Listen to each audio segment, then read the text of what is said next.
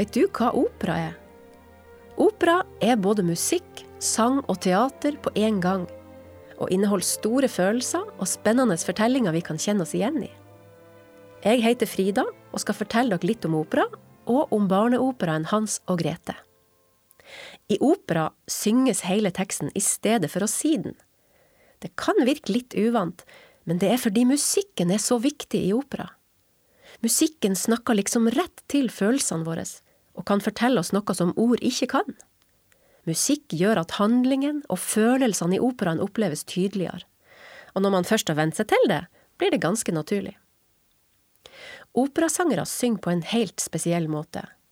Det er fordi stemmen deres skal nå ut til publikum og fylle en hel sal, og fordi de synger uten mikrofon. Stemmen skal du høre sjøl om et helt orkester spiller samtidig.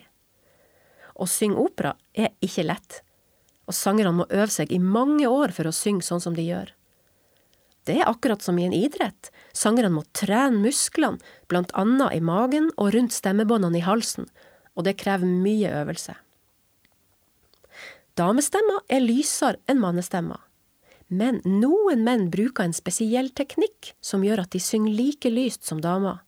De kalles kontratenor.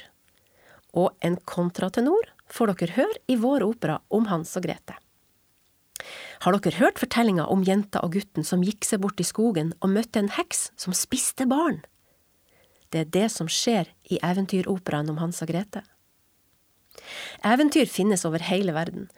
De blei til lenge før bøker ble oppfunnet, og har blitt gjenfortalt til barn i hundrevis av år. I gamle dager fortalte de eventyr til barna for å skremme dem, få dem til å gjøre som foreldrene sa, eller for å lære dem forskjellen på rett og galt. Og det finnes varianter av de samme eventyrene i mange land og kulturer. Her i Norge kjenner vi særlig folkeeventyrene som to menn som het Asbjørnsen og Mo samla inn. I deres eventyrbøker finner vi eventyrene om de tre bukkene Bruse, prinsessa som ingen kunne målbinde, Den syvende far i huset og alle eventyrene om Askeladden. Eventyret om Hans og Grete ble også fortalt til noen som gikk rundt og samla inn fortellinger fra folk. Det var i Tyskland for over 200 år siden, og de het Brødrene Grim. De skrev ned alle eventyrene de hørte, i flere bøker som ble veldig populære. I Grims eventyrbøker var det mange kjente eventyr som Askepott, Rødhette, Snøhvit, Rapunsel, Katten med støvlene og Hans og Grete. For litt over 100 år siden skrev ei dame som het Adelheid Wette, sanger til en forestilling som barna hennes skulle fremføre, hvor hun dikta videre på eventyret om Hans og Grete. Hun spurte broren sin, Engelbert Humperdinck om å lage musikk til sangtekstene sine. Engelbert var komponist, det er en som finner på musikk. Og etter hvert ble sangene og musikken laga om til en hel opera. Adelheid endra eventyret litt for å få det til å passe med musikken, og den teksten de synger i operaen, kalles libretto. På lille julaften for 126 år siden ble eventyroperaen om Hans og Grete fremført første gang. Publikum likte den kjempegodt, og den har blitt verdens mest kjente barneopera. Sjøl om Hans og Grete er skrevet for barn, høres den ut som de store operaene som ble skrevet omtrent samtidig. Vi kaller musikken for romantisk. Den er storslått, vakker og eventyraktig, veldig variert og med mange fine melodier som liksom vever seg inn i hverandre. Det er akkurat som musikken har mange lag med ulike instrumentstemmer. Musikken forteller oss om hva som skjer i operaen, og om følelsene til de som synger. Noen ganger er de glad og leker, andre ganger redd eller lei seg. Vi hører noe som heter ledemotiv. Det betyr at en bestemt melodi eller klang skal få oss til å kjenne en spesiell følelse, eller tenke på en bestemt rolle eller hendelse. Hør for eksempel på disse tonene. Bom, bom, bom, bom, bom, bom, bom, bom, bom. Det er heksa sitt motiv. Første gang vi hører de tonene og den rytmen, forteller faren til Hans og Grete om det onde som finnes i skogen. Og motivet kommer igjen flere ganger i operaen, litt forskjellig hver gang, og da forteller musikken oss om heksa. Musikken er skrevet for et stort orkester, og ligner på musikken til en kjent operakomponist som het Richard Wagner. Men den har også flere lekne tyske folkemelodier som er lett å kjenne igjen. En annen uvanlig ting dere vil høre i et orkester, er en gjøk. Det er et instrument som spilles på av slagverkerne i orkesteret, og den høres sånn ut. Hele operaorkesteret med nesten 100 personer spiller for dere i orkestergrava foran scenen. Og på scenen synger barnekoret, og solistene som synger rollene som Hans og Grete, mor, far og heksa Rosini Wildenvey, som liker å kle seg ut. Humperdinks opera er litt mindre skummel enn Brødrene Grims eventyr. Og eventyrene fortalte jo om det folk faktisk var redd for i virkeligheten. I gamle dager hendte det at barn ble satt ut i skogen for å dø. Hvis en familie var veldig fattig, var det kanskje ikke nok mat til alle. Da hadde man ikke så mange muligheter. Nå er det heldigvis lettere å få hjelp. Men jeg lurer på hva du er redd for. Hva er du aller mest redd for? I gamle dager var folk redd for hekser og troll og andre magiske ting som de hørte om i eventyrene. I dag er det kanskje andre ting vi er redd for, som krig, eller at noen skal ta barna våre. I vår Hans og Grete-opera er den mørke skogen bytta ut med et forlatt tivoli.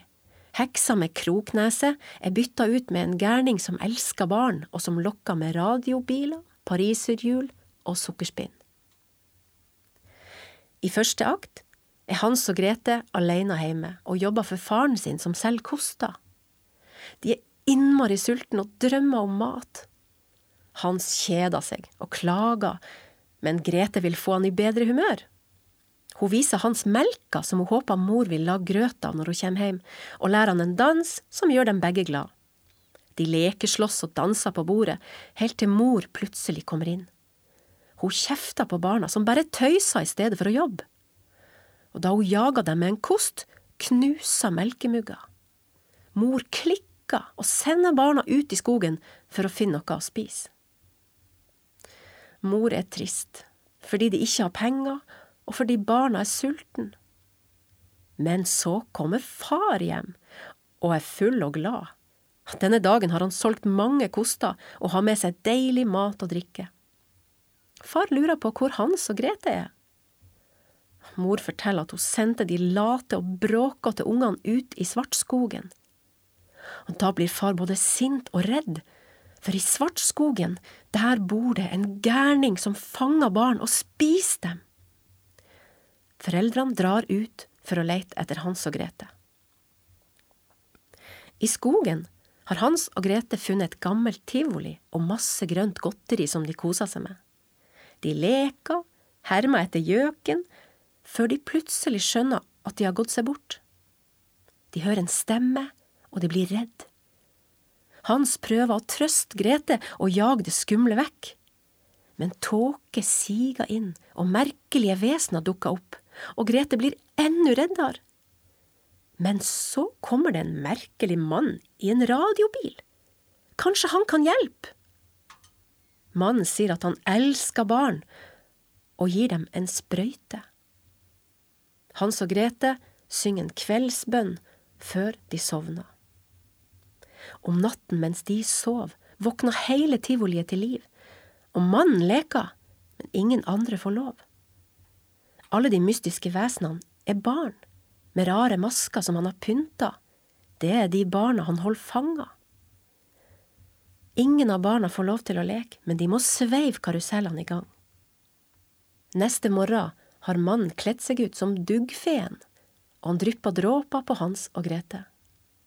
De våkna i hver sin radiobil etter å ha drømt om flygende vesener som sang om et barneparadis.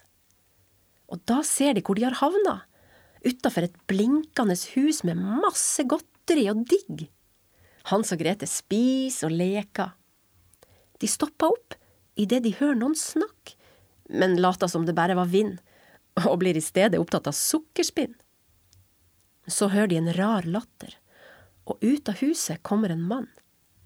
Han sier at han heter Rosin i Vildenvei, og at han har masse deilig på menyen som barna kan få helt gratis. Hans og Grete er skeptisk og prøver å rømme, men stoppes av Vildenvei. Han vil stappe Hans full av godteri. Han spenner han fast til en knivkasteskive og truer Grete til å hjelpe seg med å lage en godterismoothie. Vildenvei synger om når barna er best å spise, og så smaker han på fingeren til Hans for å kjenne om den er passe. Fingeren er for tynn, så han skal isteden til å spise Grete. Men barna klarer å lure han, og stappa i stedet Vildenvei inn i hans egen pizzaovn. Hans og Grete feirer at de har vunnet, og barna som Vildenvei hadde fanga, slippes fri. Så finner foreldrene til Hans og Grete dem igjen, og faren ber alle huske at det alltid går bra til slutt. Eller gjør det det? Slutten sparer jeg, og jeg ønsker dere en god fornøyelse, hvis dere tør.